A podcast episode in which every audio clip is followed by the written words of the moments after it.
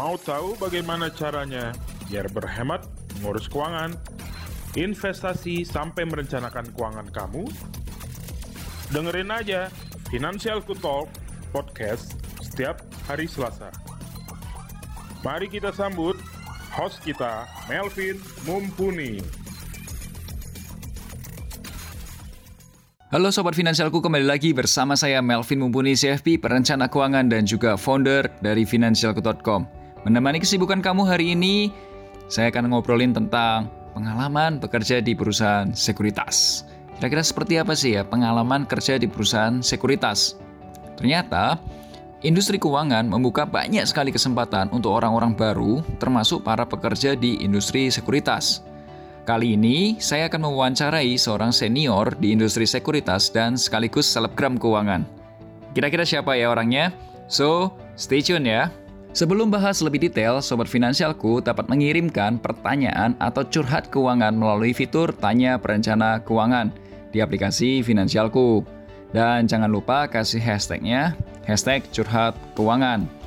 Salah satu curhatan kali ini membahas, Kok, aku selalu ikutin podcast Koko Fintalk.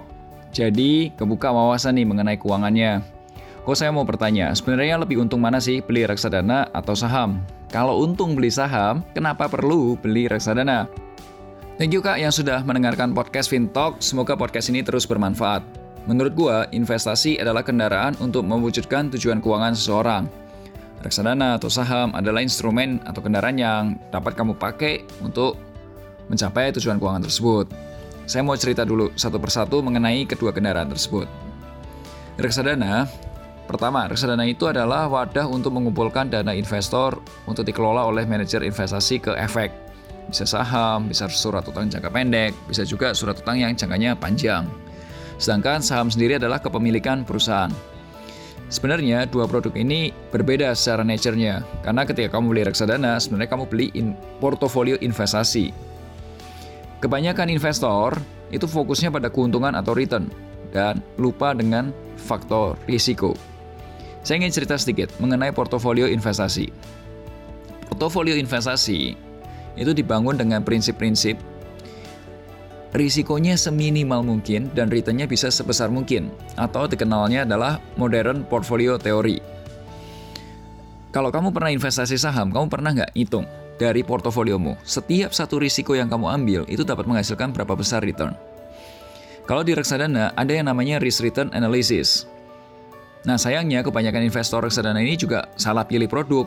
Mereka terlalu dipusingin tuh dengan namanya return, return, return. Lihatnya selalu return, nggak pernah lihat yang namanya risiko. Dan juga dia beli reksadana tuh banyak banget gitu. Bisa 2, 3, atau bahkan bisa 5 gitu, atau 6 gitu. Bisa koleksi itu reksadana. Faktanya, ketika seseorang beli reksadana, orang itu sebenarnya sudah beli portofolio investasi yang sudah terdiversifikasi. Jadi sebenarnya nggak perlu tuh yang namanya beli banyak-banyak reksadana. Apalagi alasannya untuk diversifikasi. Ngapain? Itu bikin ribet. Karena jadi banyak produk yang kamu harus cek, benar nggak? Nah, menurut saya fokusnya adalah satu-satu reksadana nih. Cari yang risk return analisisnya bagus dan sesuaikan saja dengan tujuan keuangan kamu. Kalau kamu mau tahu mengenai risk return analysis, gabung aja nih di webinar Reksadana Finansialku. Saya sendiri yang akan bahas mengenai risk return analysis. Sedangkan mengenai saham, saya sendiri lebih suka atau lebih prefer investasi jangkanya yang sifatnya menengah dan panjang, khususnya untuk saham ya. Saya pribadi lebih cocok menggunakan value investing. Artinya, saya beli saham-saham yang harganya sedang terdiskon dan jual pada saat harga fair value atau nilai intrinsiknya. Ya secara sederhananya gini, saya artikan make money when you buy, not when you sell. Jadi kamu untung di depan, waktu kamu beli kamu dapat untung. Contohnya gini deh, kamu ada beli katakanlah iPhone X gitu, harusnya harganya 20 juta. Ternyata sekarang di salah satu online shop lagi diskon sampai 10 juta, katakanlah diskon ulang tahunnya. Nah sebenarnya ketika kamu beli iPhone X yang harga 10 juta itu, kamu udah untung 50% dulu, ya kan? kamu sudah dapat diskon dulu 50%. Harusnya bayar 20 juta jadi 10 juta. Nah, kalau kamu sudah beli, kamu dapat iPhone X-nya kan kamu bisa jual juga di harga yang fair-nya dia. Katakanlah di 19 juta atau 20 juta, itu masih fair. Nah, seperti itulah namanya value investing. Kalau kamu pengen tahu lebih banyak mengenai value investing, kamu bisa gabung kok di webinarnya saham value investing di Finansialku. Jadi kalau kamu mau gabung di webinar reksadana atau saham, gampang banget nih, kamu bisa DM admin Instagram at finansialku underscore com, bilang aja kalau mau join webinar Finansialku. Dan di bagian berikutnya saya akan undang tamu kita dan selebgram juga yang berpengalaman di industri sekuritas. Siapakah dia? Stay tune. Halo Sobat Finansialku, kembali lagi bersama saya Melvin Mumpuni CFP, perencana keuangan dan juga founder dari Finansialku.com. Dan di episode kali ini saya ditemani oleh Philip Mulyana. Oke, biasa dipanggil apa nih? Uh, panggil Philip aja boleh. Philip ya, oke. Okay.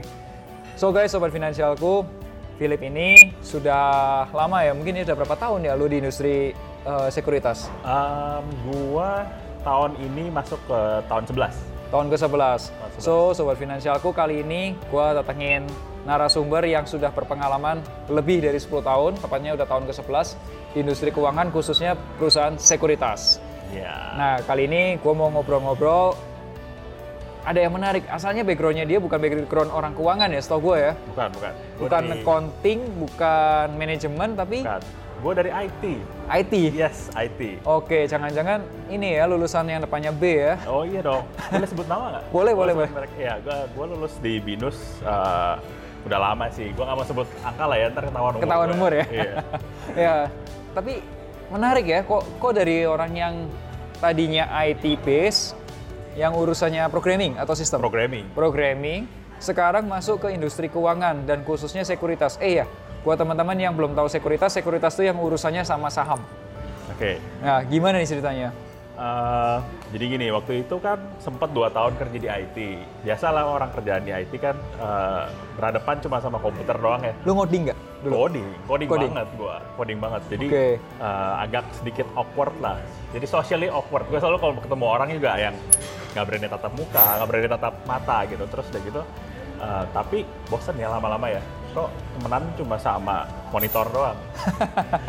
temenan sama monitor. Temenan cuma monitor. Boleh tau nggak bro? Dulu lu ngoding pakai bahasa apa bro? Uh, dulu Java, Java masih C++ ya kayaknya, or C, lupa lah. Oke, okay, yang backgroundnya backgroundnya programmer tau lah, itu iya. kelasnya tahun berapa?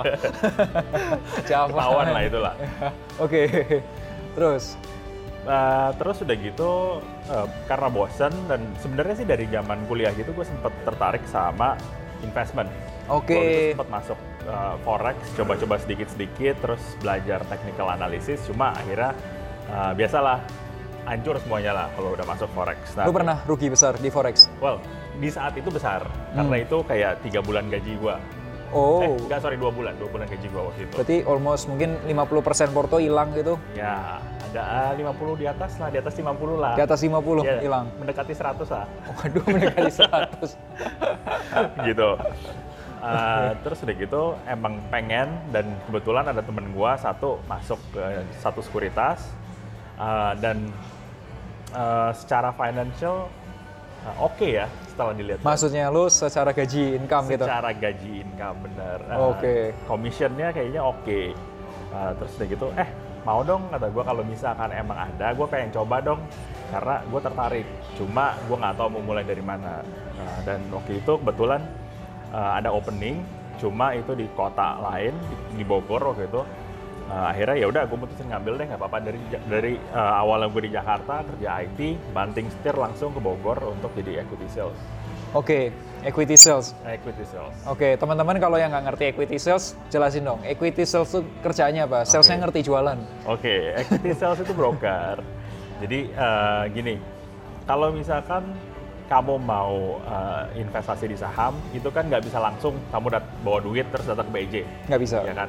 Harus lewat perantara. Yang namanya itu adalah si broker itu. Nah, jadi uh, kita di sekuritas itu adalah perwakilan dari sekuritas sebenarnya. Kita pegang beberapa nasabah dan nasabah itu kalau misalkan mau transaksi, broker yang bantu. Hmm. Broker yang bantu. Nah, uh, pada waktu itu, nah ini mungkin mulai ketebak lagi nih tahun berapa. Begitu pindah ke sekuritas itu market lagi parah-parahnya.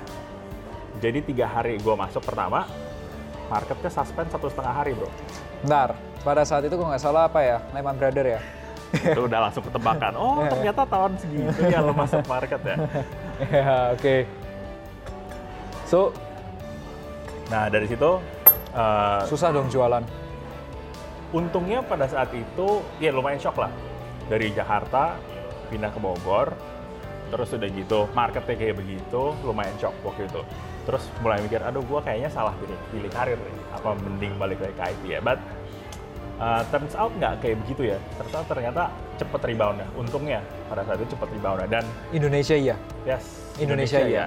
nah uh, dan waktu itu dapat nasabah yang baru masuk pada saat bottom Oh my itu god. enak banget tuh Itu- berkali-kali lipat Itu itu cuan besar itu. itu cuan besar Itu itu cuan besar. gitu cuan besar dan ternyata dari situ kenal satu nasabah berkembang lagi berkembang lagi berkembang lagi sampai akhirnya em, ya udah sampai sekarang Gue jadi lebih enak di industri ini daripada sebelumnya. Eh, iya yes Oke. Gitu. So guys itu tadi perpindahan karir ya dari yang tadinya uh, IT. Setahu gua kalau IT itu biasanya fixed salary yes dan kemudian uh, Philip ini pindah ke industri baru perusahaan sekuritas.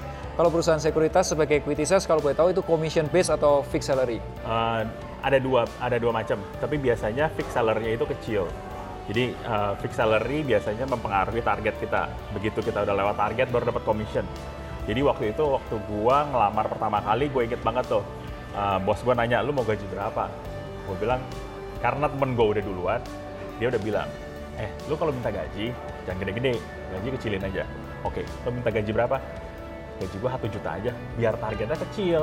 Jadi commission gue lebih gede kan. Dia bilang kok nggak bisa gila lo katanya. Lu satu juta sekarang kan ada UMR jadi akhirnya waktu itu gaji gue kayaknya Bisa main UMR.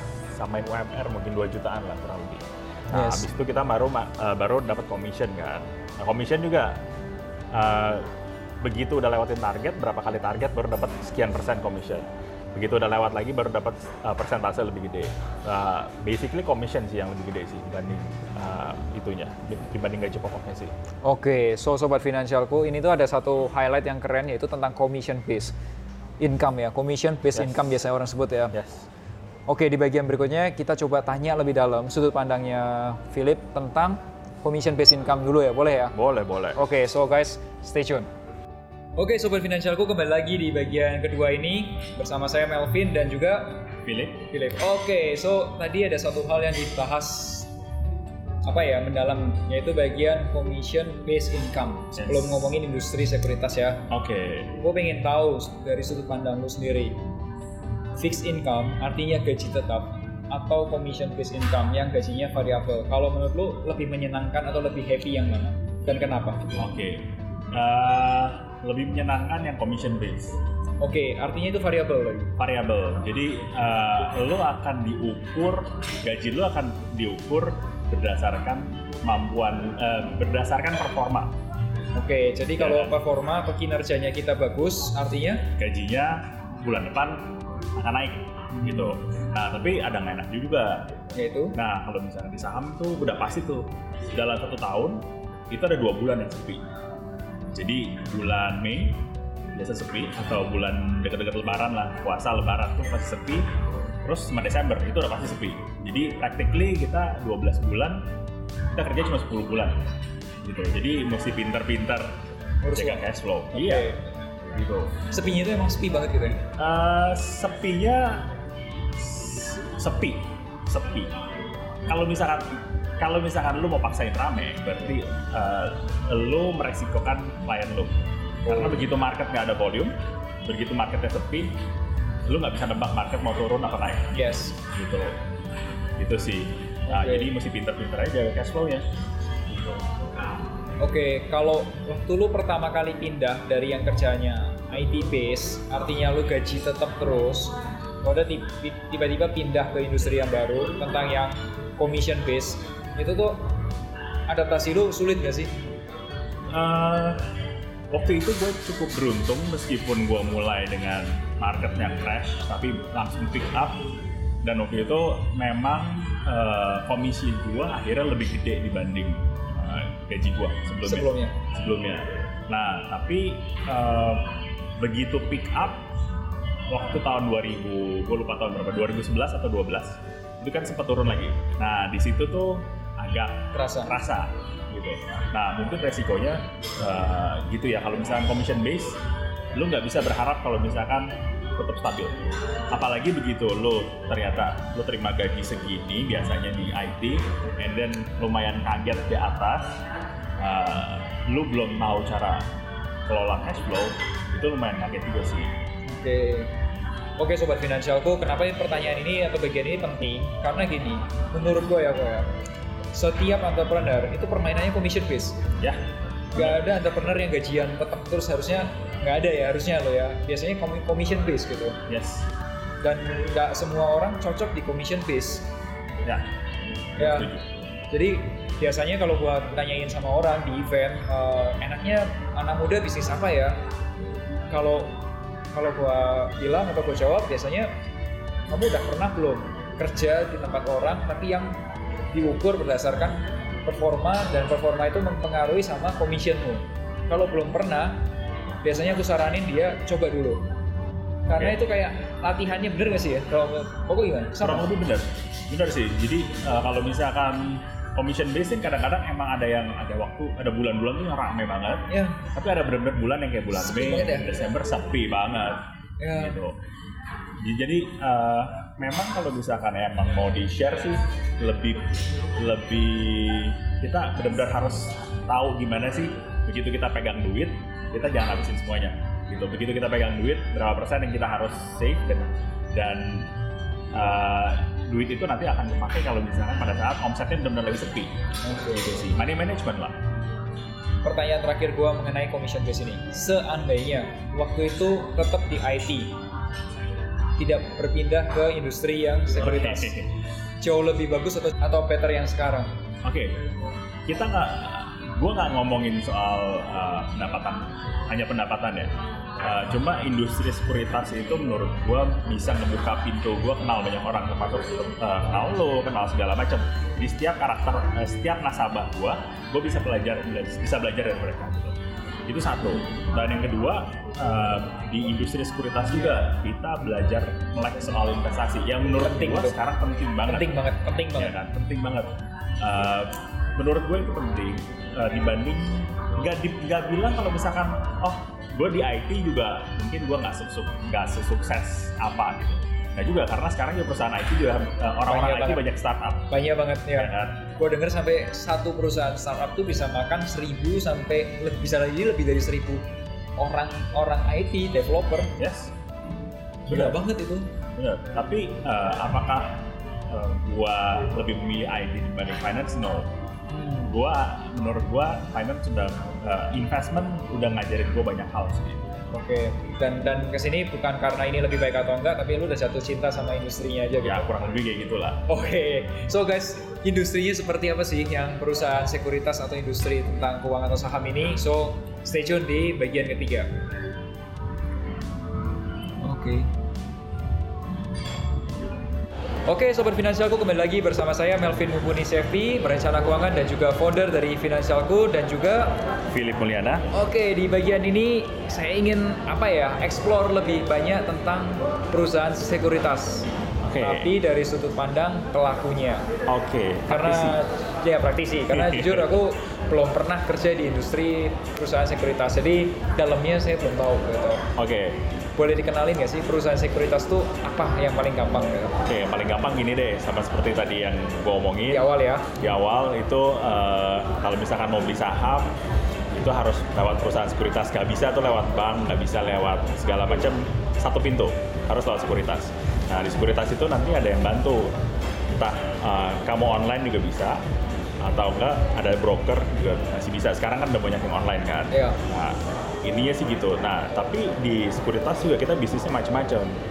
Ada juga buat ngurusin IPO gitu. Em, Oh sorry, teman-teman IPO itu kalau perusahaan private, perusahaan Ya. PT tertutup, mau listing di bursa. ya mau dijual terdaftar. mau dijual di bursa efek Yes. sehingga bisa dibeli sama investor publik gitu ya, Ya. investor umumnya gitu. Oke. Gitu. Selain IPO, ada ngurusin apa? Merger? Uh, merger and acquisition itu masuk sekuritas juga harusnya. Tapi Oke. ba- ah, divisinya beda. Oke, IT Divisinya ya. beda. Biasanya apa namanya? Itu uh, corporate finance. Corfin, oke, corporate finance. Corporate finance tuh industrinya lebih ke apa ya? Keuangan Uh, tapi untuk untuk, perusahaan iya, ya, korporasi. Lebih B2B lah. Ya. Bisa dibilang B2B lah. Jadi kalau misalkan mau merger, akuisisi, kalau nggak corporate action misalkan uh, emiten mau restructure, emiten utangnya banyak. Oke, Kita- kita- kita- kita ngomongnya- kita ngomongnya pakai ini ya. Kita terjemahin dulu, merger itu artinya dua Merger. perusahaan digabung gitu, Yes. itu merger. Kalau akuisisi itu ada perusahaan yang beli perusahaan lain, Yes, itu akuisisi. oke. Terus, apalagi, asalnya kalau kita ngomong orang keuangan, nggak ngerti nanti yang denger. Oke oke. Uh, Restructuring, restructuring misalkan uh, saya punya utang banyak nih perusahaan punya utang banyak terus deh gitu uh, dia mau turunin uh, bunganya. Ya. suku bunganya misalkan. Nah dia harus pinjam lagi di tempat yang lain dengan suku bunga yang lebih rendah. Itu gimana caranya? Nah itu biasa corporate finance yang kerjain. Oke, itu tuh guys namanya restructuring. Oke. Terus kemudian, Uh, nah di di sekuritas sendiri kan itu sebenarnya bisnisnya adalah lebih ke brokerage. Jadi lebih ke uh, perantara antara jual beli saham. Yes, Nah, ada dua macam ada dua macam nasabah nih. Nasabah retail sama nasabah institusi. bedanya adalah Retail itu perorangan. Oh, Oke, Gitu. Jadi kalau gua invest secara personal itu sebenarnya investor retail. Ya, investor retail. Nah, kalau institusi itu berarti lo nasabah yang udah bentuknya perusahaan. Bisa sebagai asuransi, bisa sebagai uh, Dana pensiun dana mungkin? pensiun, PLK. Heeh. Um, apalagi Kalau manajer investasi, itu ya, ya, asset manajer- management, manajer investasi bisa kayak gitu. Jadi kalau mereka tuh kalau beli nggak se nggak sejuta dua juta gitu lah ya. Enggak sejuta dua juta, mereka bisa beli satu dua sepuluh dua puluh m. Oke, sampai 20 miliar. Oke. gitu. Tapi biasanya kalau misalkan yang perantara untuk broker institusi kan kita dibayar komisi kan. Iya. Biasa di, eh, kan dulu gue itu di retail, Hmm. ya kan. Tapi kalau misalnya di institusi karena kliennya gede, biasanya mereka nggak dibayar per commission. Oh, terus per Mereka biasanya eh, ada dua macam sih, cuma kebanyakan itu mereka dibayarnya biasa fixed income aja. Oh, karena Plus kalau, bo- plus bonus. oh karena kalau misalnya itu komisi-komisinya kegedean ya. Iya, komisi gede banget. gitu. Bisa ratusan juta ya, Pak? Yes. gitu. Pokoknya enak lah kalau gitu lah. Oke. Terus Nah, uh, karena dulu gua di uh, nasab, dulu, dulu gua di retail, banyak kan nasabah gue aja retail kan. Nah, banyak tuh kenal ma- macam-macam karakter. Ada yang suka trading, ada yang suka value investing. Jadi mau mau mau nggak mau tuh kita harus belajar. Yes, teman-teman kalau yang uh, mungkin baru ngikutin podcast gua belum tahu yang istilah trading, trading itu lebih banyak ke jual beli ya. Jual beli bisa. Kayak apa ya? Kalau gua ibaratnya itu kayak orang jualan lombok tau nggak? apa tuh? Lombok cabe. Oh, oke. Beli beli 100 atau beli 1000 jual nanti harga 1100 Ya. 1200 lu jual gitu itu kayak ya jual dagang lah Ya. trading itu dagang gitu. Nah, kalau misalnya value investing mungkin lebih ke properti lah ya kayak gitu ya. ya kayak Nungguin harganya naik Ya. kali-kali lipat baru dijual. ya kalau gitu. kalau kata temen gua si ini Korifan ya bilang tuh kayak gini Oh iya Rifan. harga sahamnya tuh harusnya 1000 tapi dijual 500 jadi Oke. beli saham di harga diskon Oke. anyway kalau kamu belum nonton itu di episode berapa ya 30 33 atau 35 ya ada ya tentang itu Oke. khusus oke terus Eh, jadi kenal karakter orang-orang, terus kayak gitu. eh, harus belajar juga teknik, eh, harus belajar baca baca chart saham, pergerakan harga. Terus harus belajar juga analisa fundamental isinya kan biasalah eh, baca laporan keuangan kayak gitu-gitu. Jadi macam-macam sih sebenarnya sih. Yang penasaran nih eh, gara-gara tadi disebutnya jabatannya equity sales atau apa ya Broker. sales sales khusus untuk saham gitu ya atau Ya. broker gitu lu belajar tentang tentang jualannya juga gak sih Enggak. serius lu nggak belajar jualan Jadi pertama kali, jadi nggak bisa dibilang diajarin ya. Per hari pertama itu adalah, oke, tickernya adalah, ticker itu kode ya, Ya. kode kode empat huruf Kode itu misalkan. Telkom, TLKM, Astra, BCA. ASI, Ya, BCA, kayak gitu. BBCA Lo apalin kodenya, dan ini list klien yang lo harus maintain. Kayak ada 10 gitu. Terus gue harus ngapain? Ya lo telepon, update itu klien. That's it. Gitu. Nah, eh, kebanyakan di broker emang kayak gitu. Dan kita harus belajar sendiri sih. Emang harus lebih proaktif untuk eh, belajar. Gitu. Em, ada yang belajar mungkin uh, baca laporan keuangan, ada belajar technical uh, liatin pola pergerakan harga gitu sih. Oke, nah dari situ baru uh, lu bisa ngomong, lu bisa komunikasiin ke klien lu gitu. Iya, karena kita setiap hari harus telepon, update klien. Pagi Pak, hari ini ada news kayak gini gini gini, terus udah gitu uh, trading ideas-nya hari ini boleh beli ini atau boleh jual ini, kayak gitu sih. Anyway, kalau boleh gua tahu, lu cari klien baru nggak? Cari, Cari. harus. Terus gimana caranya pada waktu itu? Uh, pada waktu itu karena marketnya lagi pick up, klien datang sendiri. Oke. Itu makanya gue bilang Hoki lu ya? Gue hoki, ya kan? Itu hoki gue di situ. Banyak banyak amal ya kayak. Banyak amal. Ternyata dapat kliennya kayak gitu. Nah, tapi begitu udah mulai uh, stabil, tetap kan kita harus cari klien sendiri. Ya di industri ini memang kita harus jaga namanya. Bukan di industri ini aja sih. Semua industri. Di semua industri kita harus jaga nama memang. Integritas yang pertama itu kalau misalkan lo bisa maintain klien, bisa serve dia dengan oke, otomatis itu akan grow sendiri. Dan gue tipenya itu bukan yang hard selling yang eh pak buka account dong, eh pak buka account dong, bukan kayak gitu. Gue adalah tipe yang soft selling, yang uh, bangun dulu nama gue di klien sampai klien itu bisa nge-refer orang lain. Contohnya kalau gua jadi klien lu, uh, yang lu akan lakukan kepada gua pendekatannya gimana? Uh, pertama gini, uh, pasti kan by phone, Yes. ya kan, pasti by phone. Terus dari gitu, gue akan berusaha untuk menjadikan klien itu sebagai teman. Tapi sincerely sebagai teman ya, bukan karena gue pengen jadi teman, karena gue pengen lu trading lebih banyak sama gue, gitu. Tapi emang gue Oke. pengen mengenal lu lebih jauh. Gue pengen kenal siapa sih Melvin ini. Di belakang lo tuh keluarganya keluarga siapa sih? Apakah gue bisa add value? Misalkan, oh gue punya klien misalkan emang investor properti. Terus gue punya klien lain misalkan emang mau jual properti, mau nggak kalau misalkan gue pasangin nih gitu. Itu adalah value-value yang biasanya kita cari. Biasanya yang gue cari itu adalah gitu. Jadi gue nggak eh, nggak cuma sebatas cuma Jual beli saham. jual beli saham, tapi gue akan lebih ke personal. I see. Nah setelah kita lebih dekat baru lu bisa minta referensi dari gua dan lain sebagainya gitu. Gue nggak minta referensi bro, Oh ya? gue nggak minta referensi. Gue soft selling. Oke. Jadi memang ada yang yang yang nyaman dengan cara kayak gitu, tapi tapi gua 99% klien datang sendiri. Gitu karena emang servisnya oke dan eh, klien itu udah udah udah percaya udah lama banget sama gua. Jadi klien gue nih sekarang kebanyakan itu adalah orang-orang yang udah kenal gua kayak 8 9 tahun gitu. Kayaknya gua ngobrol-ngobrol sama lu, kayaknya gua tahu deh kalau lu introvert ya. Gue introvert banget. Tapi sales. Iya. Well. gue introvert. jadi jadi nggak nggak ada urusan ya sales lu introvert atau extrovert nggak ada urusan. Uh, well, gini, introvert itu punya keunggulan kalau misalnya kita bisa dengerin. Oke. Oke, gue bisa dengar dan gue nggak mau ngomong. Sebenarnya gue nggak mau ngomong, ya kan? Kecuali di wawancara ya. Kecuali di wawancara karena gue disuruh ngomong. nah, gue introvert, makanya gue pilih IT pada, pada, pada pertama kali dan uh, waktu gue pindah dari IT ke sales, uh, biasa ngomong di telepon aja kayaknya udah panas dingin, akhirnya biasa. Terus akhirnya ketemu sama orang yang gugup, yang nggak berani, nggak yang nggak berani tatap muka, tatap mata itu gue nggak berani. Akhirnya menjadi biasa. Dan karena gue introvert, gue bisa denger instead of gue ngomong. Karena menurut gue itu skill yang jarang sih. Ya.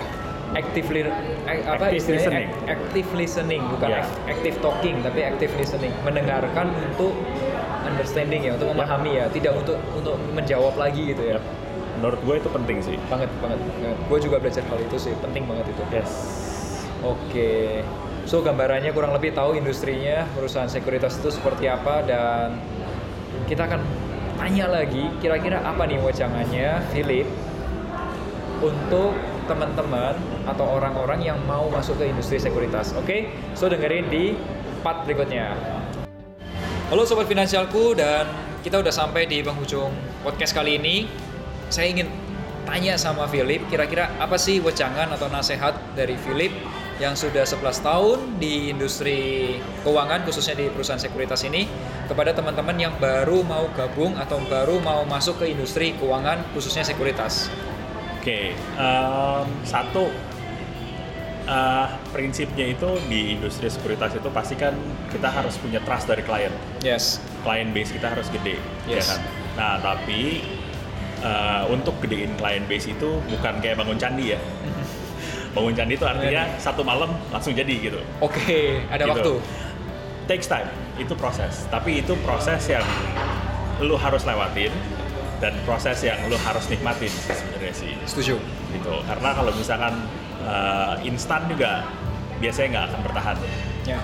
kayak gitu nah uh, terus kalau misalkan memang lu mau masuk di industri sekuritas yang biasa or industri yang commission ya. based Oh, commission based. commission Oke. commission based industri yang lu uh, gaji berdasarkan komisi itu make sure lu punya satu namanya di atas dana darurat itu ada satu namanya layover fund mungkin lu pernah kayaknya gue pernah lihat di IG lu lu pernah ngomong deh gitu layover fund itu menurut gue penting karena uh, itu akan diambil layover fund itu akan diambil kalau misalkan uh, komisi lu lagi di bawah dari pengeluaran lo Yes, betul. ya kan Eh, penghasilan boleh turun boleh naik tapi lifestyle harus tetap Tetap jaga. tetap jaga terus dong Iya, ya kan iya. nah justru eh, layover fund menurut gue penting dan waktu gue di awal gue nggak tahu layover fund itu apa begitu gue terima komisi lagi ceder Party. lagi enak wah enak lah pokoknya lah nggak nggak mikir panjang tapi eh, begitu gue udah kenal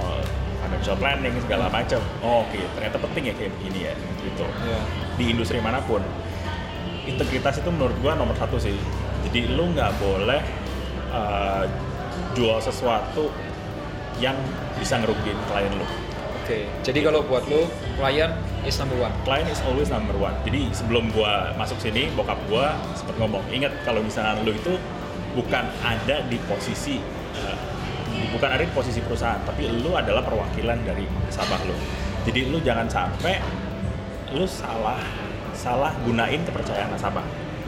Gitu. Jadi itu yang sampai sekarang masih gue pegang sih. Kalau misal di industri pas waktu lo kasih nasihat ada yang salah, pernah nggak? pernah of course pernah. Terus yang dilakuin? ya kita make sure benerin lagi. Oke, good. gitu. Karena kan gini kalau misalkan di industri gua uh, kita prediksi ya kan? Kita nggak pernah make sure kita nggak pernah guarantee kalau misalnya pak ini pasti akan naik gitu. Itu adalah udah udah mekanisme market ya kan? Nah tapi kalau misalkan emang itu ternyata nggak sesuai prediksi lo lo harus siapin gimana sih caranya untuk uh, entah cut loss entah meminimalisasi uh, lossnya se- sekecil mungkin sih. Oke, good. Dan itulah yang namanya integritas buat yes Oke, sobat finansialku, itu tadi diskusi kita dengan Philip. Semoga diskusi ini dapat bermanfaat buat kamu dan akhir kata, make a plan and get your financial dreams come true.